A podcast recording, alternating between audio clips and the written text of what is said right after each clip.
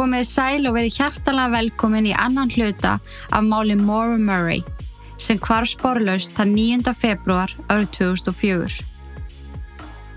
Í síðasta þætti fóru við yfir atbyrðarásina, dagana fram að kvarfinu, hver Maura var og hvernig staði var að leitinni af henni.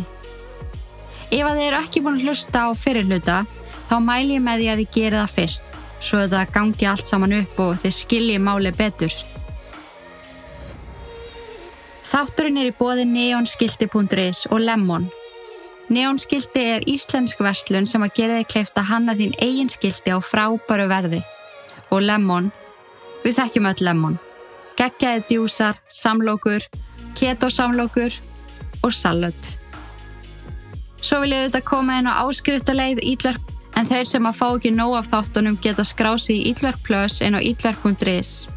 Með því fáið þið aðganga yfir 70 auka þáttum, 5 auka þætti í hverju mánuði, fríu þættina án auglýsinga og aðgang að til dæmis tveggja hluta þáttum á undan hinnum. Þannig að kynna ykkur endilega máliðin á ítverk.is. Annars heiti ég Inga Kristjáns, þetta er þáttur nummer 114 af Ítverk og í dag ætlum við að fara yfir allar samsæriskenningarnar, sönnunagögn, símagögn og fleira í máli Maura Murray. Gjöru þið svo vel.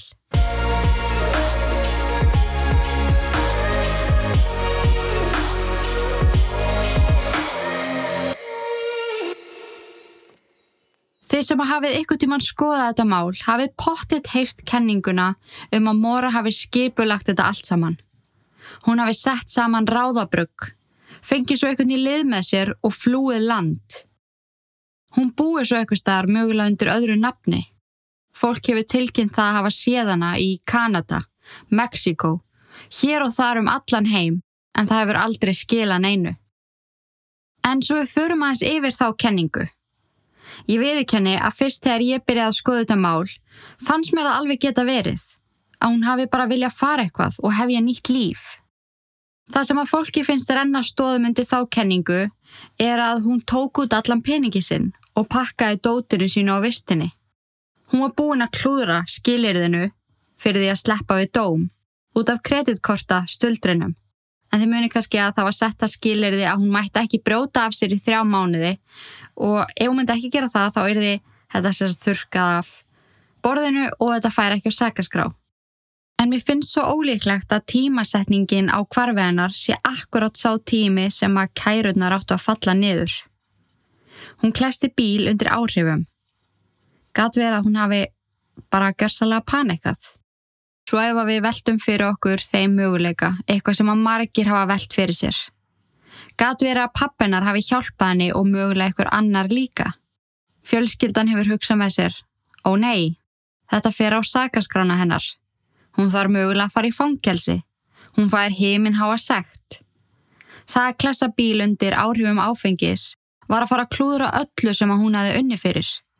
Engin skóli myndi taka við henn eftir þetta. Þið munið að Móra og pappinar fór að skoða bíla, daginn áður en hún kvarf. Hann fyrir í tíu mismunandir hraðbanka að taka út pening í heildina 4.000 dollara og þau keiftu svo engan bíl. Getur verið að hann hafi látið hann að fá þessa peninga til þess að fara í burtu, til þess að eiga fyrir, þú veist, einhverjum dögum og svo þeirst hún að retta sér eða hann myndi senda henni meiri peninga, eitthvað svo leiðis. Og þetta sé allt saman plan hjá þeim til þess að vendana frá afleggingum þess að keira undir áhrifum áfengis. Að fjölskyldan viti nákvæmlega hvað hún er í dag og þegar þau komið fram í fjölmjölum þá eru þau bara að leika af því að þau eru að vendana. Það er alveg ótrúlega margir sem að halda þetta líka af því að þessi 4.000 dólarar sem að Fred tekur hann út, það er ekki til neyn útskýring hvert þessi peningu fór og svo hafa verið fæstlur í gegnum tíðina á reikningnum hans Fred sem er verið að taka út svona stórar upphæðir og engin útskýring fyrir þeim. Þannig að það eru mjög margir alveg ótrúlega fastur á því að hún búi bara einhver staðar, fjölskyldan viti alveg af henni og það sé verið að vendana mögulega frá okkur meiru en það sem við vitum. Það er alveg pæling sko og kenning sem hefur farið mjög langt. Personlega finnst mér að rosalega langsótt maður þarf að vera rosalega stektur einstaklingur til þess að geta komið fram í fjölmjölum sem þessi sorgmæti fadir og logið öllum heiminum og einmitt eitt öllum helgum í að leita af henni skrifa bref til yfirvalda um hræðilegstar og lauruglu og allt það. Það er líka svo margt undalegt sem fer fram sem að mér þykir eigða út þessari kenningu. Til dæmis það að hún hafi beðið um frí skólanum í eina viku, hún tók með sér námsefni sitt, ásandi að skilja einn verkefni morgunin sem hún kvarf.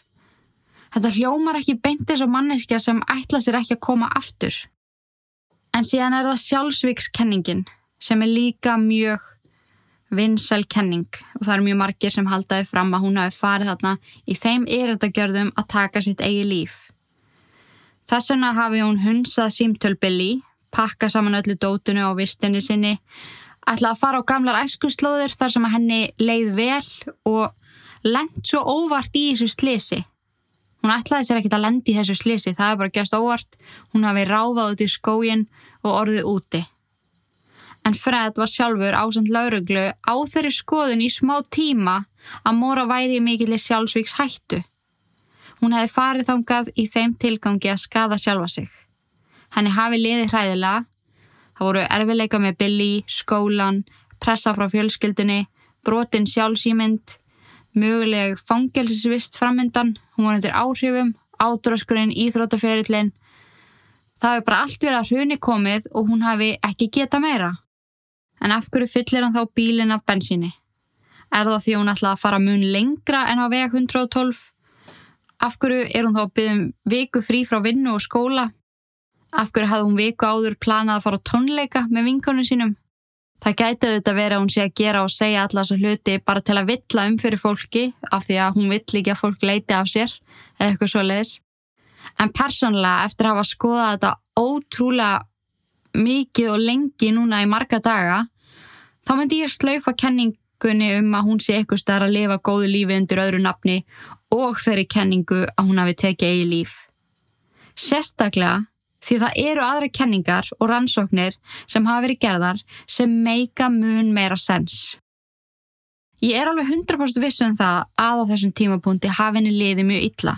Hún hefði verið hrætt, órug og búin að ganga í gegnum ótrúlega mikið af erfileikum síðastlinar vikur og mánuð og ár. Það að hún hafi ákveðið að taka sér viku pásu frá lífinu þykir mér mjög líklegt.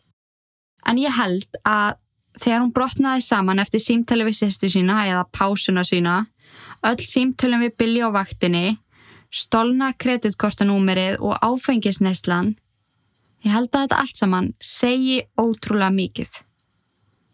Og ég held að grátkastið sem hún tók eftir símtalið hafi verið mómentið sem hún ákvað að taka sér pásu. Hún þyrsti smá breyk, eða veist, hún yrði bara að komast í burtu. Svo maður veldi í fyrir sér, hvað var það sem komin í svona mikið uppnám. Í ég held að það sé ótrúlega mikið leikil atrið í þessu máli. En eins og við komum inn á í síðasta þetti, þá deildi Kathleen því fyrst árið 2017 um hvaða rættu í síman. Kathleen segist að hafa sagt móru að fyrirverandi kærasta Tim Carpenter sem var kærastinn hennar þá að hún væri að hrætla þau gegnum síma og væri að kræfjast peninga sem hann skuldaði henni.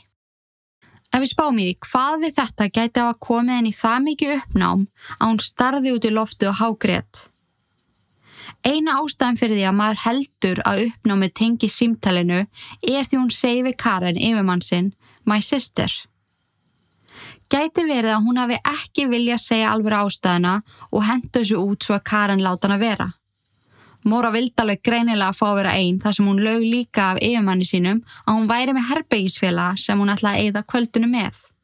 En hún var einu herbyggi. Ef við skoðum líka símtölun sem hún átti við Billy og þegar hún pakka saman dótinu á herbygginu sínu áður hún ekur af stað og hverfur svo, leggur hún útprentað e-mail hún á kassana. Eins og ég sagði heldi í síðasta þætti þá hef ég aldrei fundið nákvæmlega hvað stóð í þessu e-maili en samkvæmt því sem ég hef lesið þá var e-mailið um framhjóhald Billy. Gat verið að hún hafi verið þannig nýbúin að koma staði að hann heldi framhjá sér og það var það sem þau rættu í síman nálátt í alla vaktina. Var það í rauninni það sem komin í uppnám? En það er svo erfitt að segja til hennar því að Billy hefur alltaf talað um sambandera eins og dansa rósum. En það sem mögulega rennir stóðum undir þá kenningu að eitthvað slæmt hafi verið þarna á milli og Billy hafi verið freka mikil drullusokkur er ákjara sem hann fjekk á sig árið 2017. En Billy var reygin úr vinnunni hjá Ray Group International eftir að nokkrar konur söku hann um kynferðislegt áreiti. Í dag, 2021, er hann að býða eftir réttahöldum eftir ákjæru sem hann fjekk fyrir nöðgun. Ef hann er fundin segur, geta fengið 20 ára fangilsistóm. Þetta er auðvitað gerast mörgum árum eftir að mora hverfur, en fyrst hann getur gert svona lagað komin á færtusaldur, getur þó ekki vel verið að hann hafi hagað sér svona á meðan þau voru saman. Líka ef við skoðum að síma gögg Billy, það hefur aldrei verið gefið upp hvert hann var að ringja, einungis hversu ofta hann var að ringja símtöl. En þegar símagögnin hans voru rannsökuð, þá sést á venjulegndegi hjá Billy á þessum tíma var hann að ringja í kringum 10 til 17 símtöl á dag. Dægin áður en mora kvarf ringd hann 52 símtöl og dægin sem hann kvarf ringd hann 46 símtöl. Við veitum að líka hann reyndi þrís og sínum að ringja í moru en hún svaraði ekki. Við veitum svo líka að hann ringdi í vinkona hennar Kate mjög líklega til þess að spyrja um moru. Mér stansi líklegt að hún hafi komist af því að hann hjælt fram hjá henni, mögulega hóta að fara eitthvert og segja hann ekki hvert eða hóta að taka í líf. Hún hafi mitt neitað hann um að segja hvert hún var að fara og hann hafi ringt allir sér símtöl í henni ímsu hótel og í eitthvað fólk og reynda að finna út hvert hún var að fara og hvar hún væri. Með því að skilja útprenta e-maili eftir í herbygginu var hún að senda ákveðin skilabóð. Ég er að fara út af honum og út af því sem hann gerði mér. Og mér þykir mjög líklegt og ég er alveg vissun um að Billy viti nákvæmlega af hverju hún fór í grunninn, en viti ekki endilega hvert.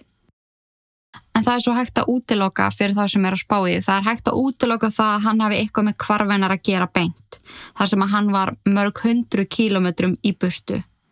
En Hann kominni mjög líklega á þannan slæma andlega stað ásamt auðvitað mörgu öðru en ég held að hann hafi verið stór ástæða fyrir því. En svo við höldum aðeins áfram að ræða þetta mikla uppnám og grátkast moru því eins og ég segi þá held ég þetta sé mikill vendipunktur í málinu. Það hefur verið rætt um að mögulega hafi mora ekið á mannesku og flúið vettvang. Það kom nefnilega fyrir á nákvæmlega sama tíma og hún tók pásuna sína að það var ekki á strák fyrir utan UMass. Hann var í dái í nokkra vikur eftir slesið og mann ekki neitt. Það sem að gera þessa pælingu svo áhugaverða er að Móra verðist ekki uppnámi á meðan hún tala við Kathleen nýja eftir það, það er ekki fyrir hún kemur tilbaka á pásunni sinni að hún brotna niður. Engin hefur hugmynd um það hvert hún fór í pásunni en hún hefði vel getið hoppað upp á herbyggi sitt á vistinni og ekki snert bílinn en kannski hefur hún farið á Starbucks eða á eitthvað matsölusta hann í kring. Eki á strákin og hugsa með sér Shit, ég er á skilorði. Ég mun fara í fangjasi fyrir þetta. Hvað þá ef ég drapa hann? Og ákveða keira í burtu. Hún hafi þá komið tilbaka skiljanlega í mjög miklu uppnámi líka búin að vera að rífast í Billy. Kanski hef hún þarna ringt í pappa sinn. Hann sagðist alltaf að hjálp henni og þau myndu saman losa sér við bílinn hennar og kaupa nýjan. Því eins og ég kom inn á í síðasta þætti, þá líta beiglunar á bílnum ekki beint út fyrir að vera beiglur eftir tré og brotið í rúðinni verðist hafa komið utanfrá, eins og ef að höfuð hefði skolli í rúðina utan. Getur verið að Fred hafi hjálpað henni að fela þetta. Mér fannst þetta svolítið áhugaverð kenning en samt mjög langsótt. En ok, allt ég er að segja ykkur eru mögulega ástæði fyrir því af hverju hún fór. Það segir okkur ekkit um hvað varð af henni. En ég er búin að vera að geima kenninguna sem bæði kofirar af hverju hún fór og hvað varð af henni þánga til svona í lokin. En þetta er eitthvað sem að mér þykir alltaf líklara og líklara með hverju skiptinu sem ég skoða þetta og þetta er fyrsta kenningin sem gössalega greip mig strax. Það var einhvern veginn upphaf og endi. Það var ekki svona hólótt eins og margar af þessum kenningum sem ég verið að segja ykkur frá uh, áður. Áður við förum á stað í stæstu samsæriskenninguna að mínu mati langaði mig að bera undir ykkur nokkur aðriði.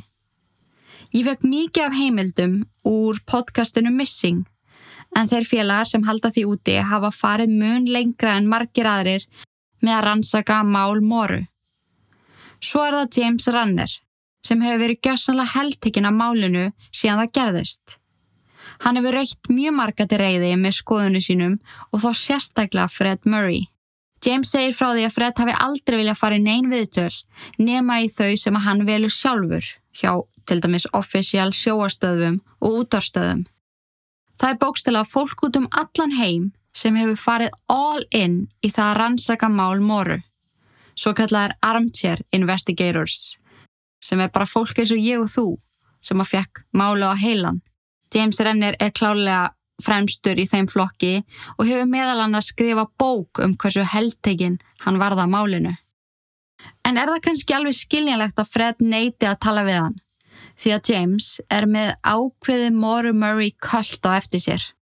En svo ég gef ykkur dæmi, þá til dæmis Cecil Smith, lauruglithjóðnin sem var fyrstur á svæði á Slistad, þar sem Mora kvarf. Hann tók eigi líf.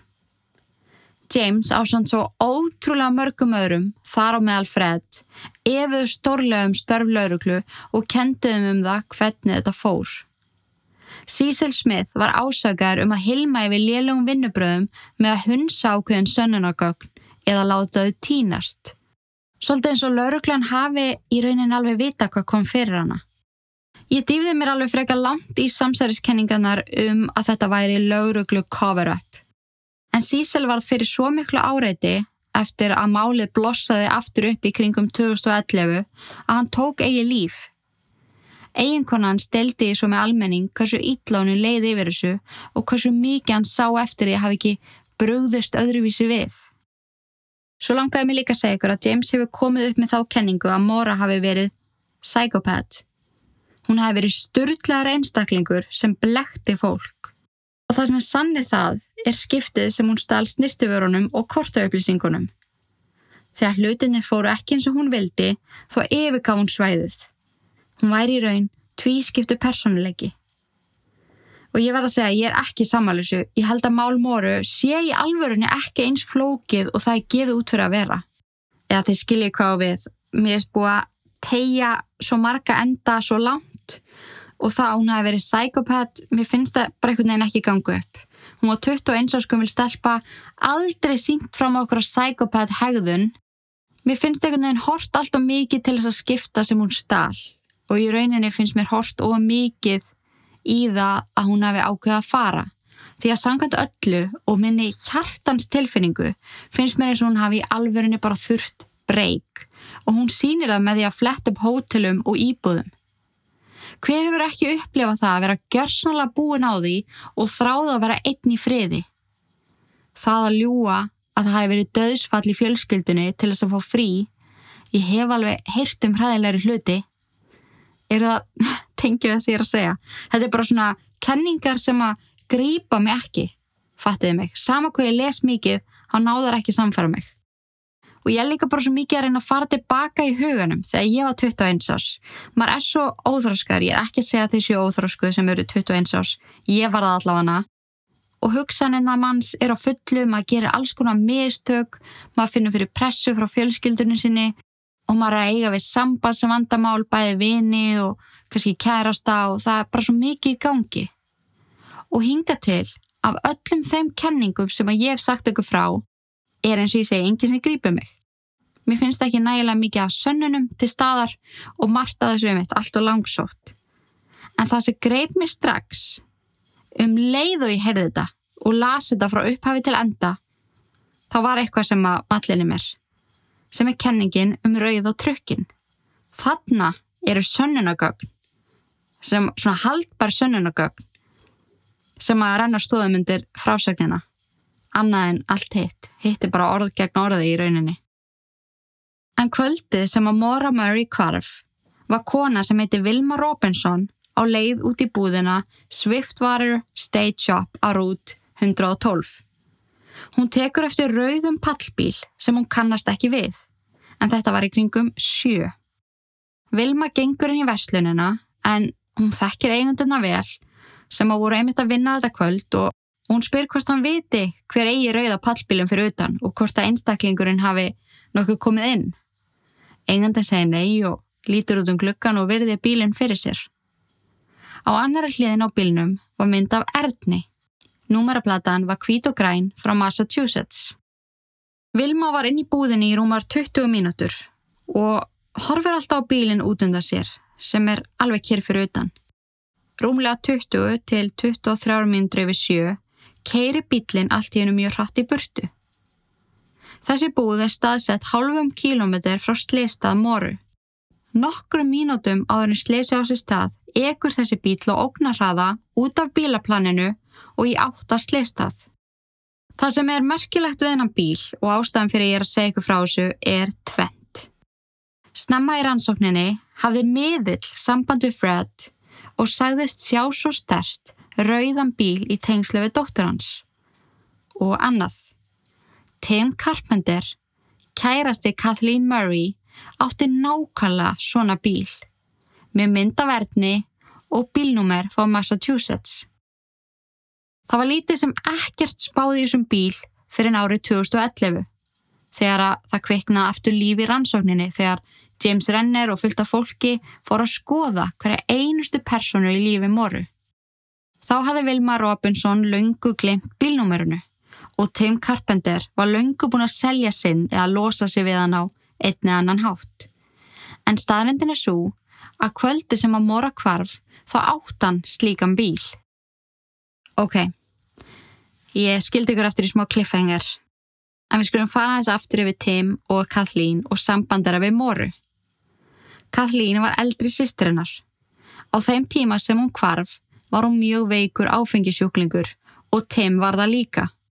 Mora var mjög náinn þeim og eitti miklum tíma með þeim, eitthvað sem að Fred fílaði alls ekki. En eins og ég kom inn á í fyrir þætti þá þóldu Tim og Fred ekki hvern annan. Fred kendi Tim alfarið um áfengirsneslu Kathleen og Tim kendi Fred um að vera stjórnsamur, yllur maður sem að fældi dætu sína í burtu frá sér. Báður hljótaður að hafa eitthvað fyrir sér í sínu máli en mögulega hafa Kathleen og Mora delti með Tim hvernig Fred var, hversu mikið hann ítti á þar að ná árágri og hversu hrættar þar voru við af valdunum vonbreðum. Fred beint tengi svo áfengisneslu Kathleen við Tim, því að eftir að þau byrjuðu saman, byrja hann að drekka svona ótrúlega mikið. Málið er að stundum drakk Mora með þeim. Tim gaf henni áfengi og eins og ég segi þau voru mjög oft saman. Það var gengið þær sögursagnir um að Mora hafi verið ófrisk þegar hún kvarf, sem geti útskýrt þau skipti sem hún pantaði sér mikið mat fyrir sjálfan sig. Súru gúrkunnar sem hún var að mönsa á í bylnum. En þetta eru auðvitað bara getgátur. Alveg eins og getgáturnar um að hún hafi verið að bindsborða út af ádraskuninni og kannski var hún þarna að upplifa meiri matalista því hún var ólétt. Kathleen og Tim voru í sambandsvandræðum á þessum tíma. Fyrirhandi kærasta Tim krafði hann um peninga. Getur verið að það hafi eitthvað verið á milli teim og moru.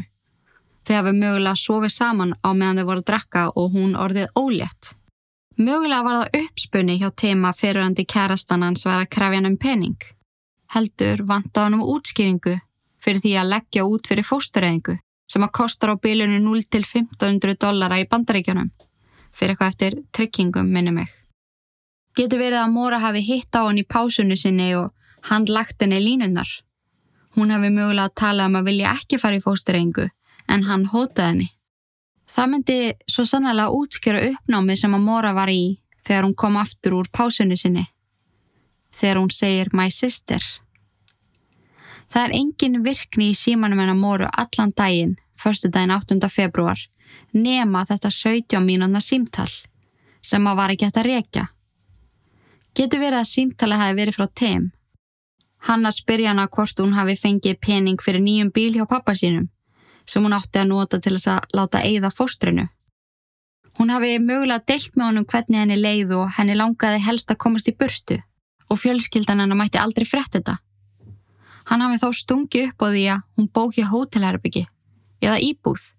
Hann myndi hitt hana þar og þau myndu græja þetta saman og ef maður kafar alveg sjúklega djúft í þetta að þegar Móra sendir á skólastjóran sinna það hefur verið death in the family geta að vera hún sé að tala um sitt eigið fóstur. Hún pakkar allir dótinu sínu, leggur e-mailið um framíhald Billy ofan á stæðuna, mögulega til að senda ykkur skilaboð til þess að fela sín eigin plön, tekur út peningin, kaupir sér áfengi, þennan dágóða slatta af því því hún vissi að Tim myndi eigða ykkur tíma með sér hvert þau voru að fara. En Móra verðist ekki á að bóka neinstaðar, ekki á sínu nafni allavega, en var greinilega á leiðina á þær slóðir sem hún þekkti.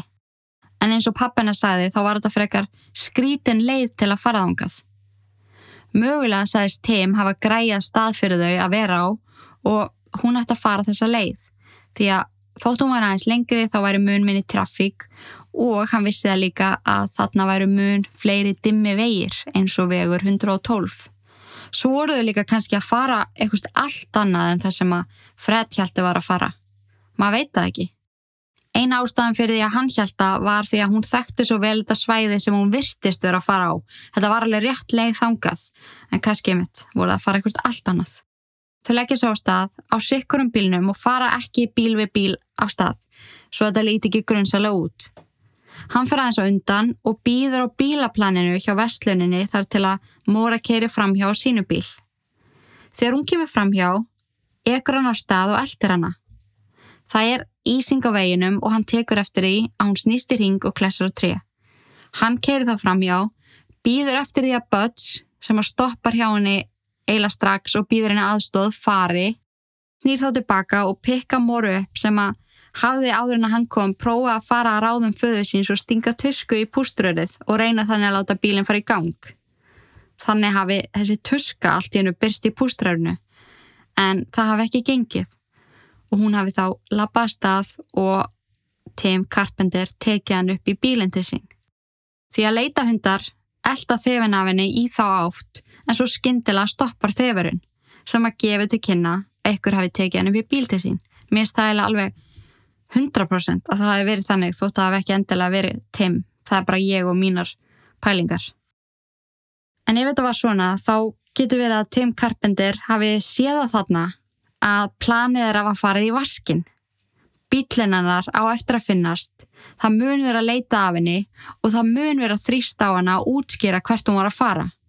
Og kannski mynd hún að endanum gefa sig og segja sannleikan að hún hafi sofið á Tim orðið ófrísk og ætlaði fóstreyingu eða jáfnvel að hún og Tim hafi verið í leinulegu sambandi. Tim hafi þá séð heiminn bara hrinja fyrir sér, Kathleen myndi hætta með honum, allir myndi hata hann, samband hans og Móru væri búið og hann hefur á þessum tímapunkti ekki séð neina aðra leið en að drepa Móru. Hyrða af henni 4.000 dollarana pluss penningin sem hún tók út og losa sér við líkið sem hefur aldrei fundist. Ég veit þetta er alveg svaka scenarjó og ég er að segja hvað, ég var ekki að búið þetta bara til í haustum. Þetta er svona alls konar efni sem ég er búin að finna hér og þar um þetta mál og púslaði saman í þetta. En þetta er einhvern veginn eina kenningin sem að mér finnst ganga upp frá að til auð. Það er, þú veist, sönnunargögn, símtöl, alls konar, fattiði mig. Hittir allt svo mikið orð gegn orði. En það sem að mér sérstaklega renna stóðum undir þessa kenningu er að nokkrum dögum eftir að móra hverfur þá kveikir Tim í dótinu sem að hann og Kathleen voru að geima fyrir hann í kjallanan sínum og stærsta sönnunagagnið er að hann er ekki með neina fjárvistasönnun fyrir kvöldi 9. februar 2004. Kathleen vissi ekki einu sinni hvað hann var. En síðan móra kvarf þá hefur hann talað viðbjóðsla um Fred. Hann hefur logið alls konar hlutum upp á móru eins og til dæmis að hún hafi selgt fíknefni og reynd ítrekka við sig. Kathleen og Tim eru hætt saman í dag og setna lýsir Kathleenunum sem ógeðslegum narsisista stjórnsumum alka sem hættir ekki fyrir hann fær sínu framkengt. Áhugaverð staðrendum Tim í viðbútt sem að kveikir kannski aðeins í okkur raðmórðingja áhuga fólkinu en þegar Tim var barn fekk hann mjög alvarlegt höfuhögg og honum ekki í huga líf. En ég er eiginlega alveg viss um það að Maura Murray sé löngu dáin. Hún hafi á öllum líkindum dáið kvöldi sem hún kvarf. Ég er sannfærð um að hún hafi verið í miklu uppnámið þegar hún fór. Hún hafi í alverðinu bara ætlað að taka sér smá frí.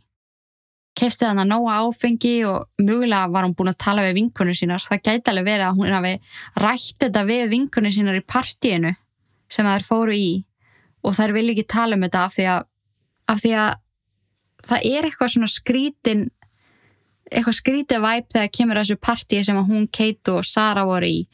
Af því að Kate og Sara verðast ekki muna eftir þessu partíi og hverju voru þar. Geti verið að þær hafi planað þetta saman og ákveðu svo að vilja ekki segja neitt svo að það er ekki viðriðinar málið eða eitthvað svoleiðis. En sama hvað þá held ég að Móra hafi alltaf alltaf að koma tilbaka En svo langaði mig að koma aðeins inn á Butch, svona í lokin. Rútubílstjóran sem að bauðinni aðstóð. En það eru pottit ykkur að spáði því hvort það sé ekki ykkur kenning með hann. En málið er að heimili hans var skoða kvöldi sem að mora kvarf. Hann fór heldur ekki frá heimilinu sínu þetta kvöld. En ef að þið myndið til dæmis fletta upp þessu máli og sérstaklega skoða hans nafn þá kemur fram að hann hafi fallið á einu legaprófi og náðu svo öðru. En hann var alveg sjúklega veiku maður og þið viti að á legaprófum þá getur það komið neyra á niðurstöðunum eitthvað svona eh, blóðþristingum og eitthvað svoleiðis. Hann dó ekkert eitthvað mjög löngu eftir að hún kvarf og mér finnst þetta bara eitthvað neginn svo mér finnst þetta bara ekki nógu góð kenning af því að það var einmitt leita sérstaklega heima á honum af því að heimilans var svo nálagt slistað en hús hvað veit ég? Það geti alveg vel verið að hann hafi tekið hann upp í þessa rútu og verið með eitthvað kjallara heima á þessu hendinni þar onni, maður hefur ekki hugmynd sko. Það var líka komið sögursagnir að hún sé grafin undir húsinu hjá manninum sem að sendi Fred Nývin það er svo mikið kenningum að núti að maður geti verið í marga, marga, marga daga að velta svo allir fyrir sér. Og mér finnst alveg magna að það sé ekki búið að skoða það betur og hvar er þessi teppabútar og hvar er þessi sönnunagögn, hvar er tuskan í bústurörunu og, og dóti sem var í bílnum hennar, fötinn sem var í bílnum hennar, hvar er þetta allt? Þú veist, akkur er ekki til myndir af þessu, akkur er ekki til upplýsingar um þetta veist, ég er alveg smá sammála fyrir þetta að laurugla fór ekki neitt sérstaklega vel með þetta mál.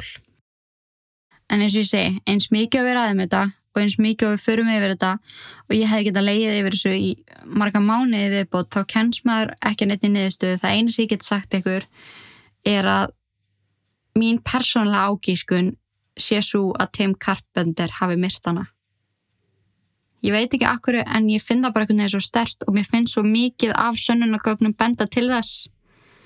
Og ég held að Bobby hafi vitað að hún ætlaði burtu en ekki hvert.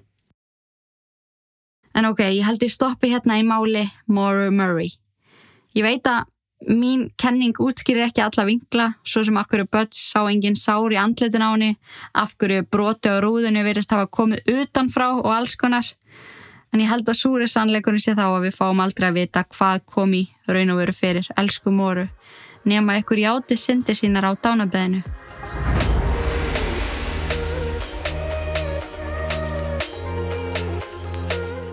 En hvað haldið þið? Hvað tilfinningu hafið þið fyrir Fred og Billy? Er eitthvað sem að þið drægist frekar að en eitthvað annað?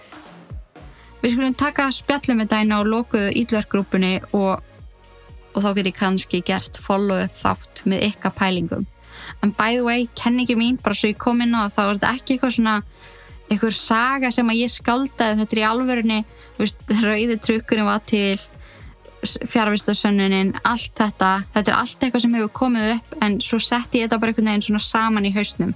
Þetta er ekki ég að búa til sögu þótt að ég sé mjög mikið að búa til sögur alltaf bara svo ég takja það fram Þannig að þeim ég endilega að segja mér hvað eitthvað finnst um þá kenningu um að Tim Carpenter sé morðingi og endilega að segja mér líka ef að það er eitthvað annað sem að kallar í ykkur. En þá segja ég bara takk kærlega fyrir að hlusta og takk fyrir að vera til. Guðanabænum forðist öll ítluverk nema þetta podcast. Verðið sæl.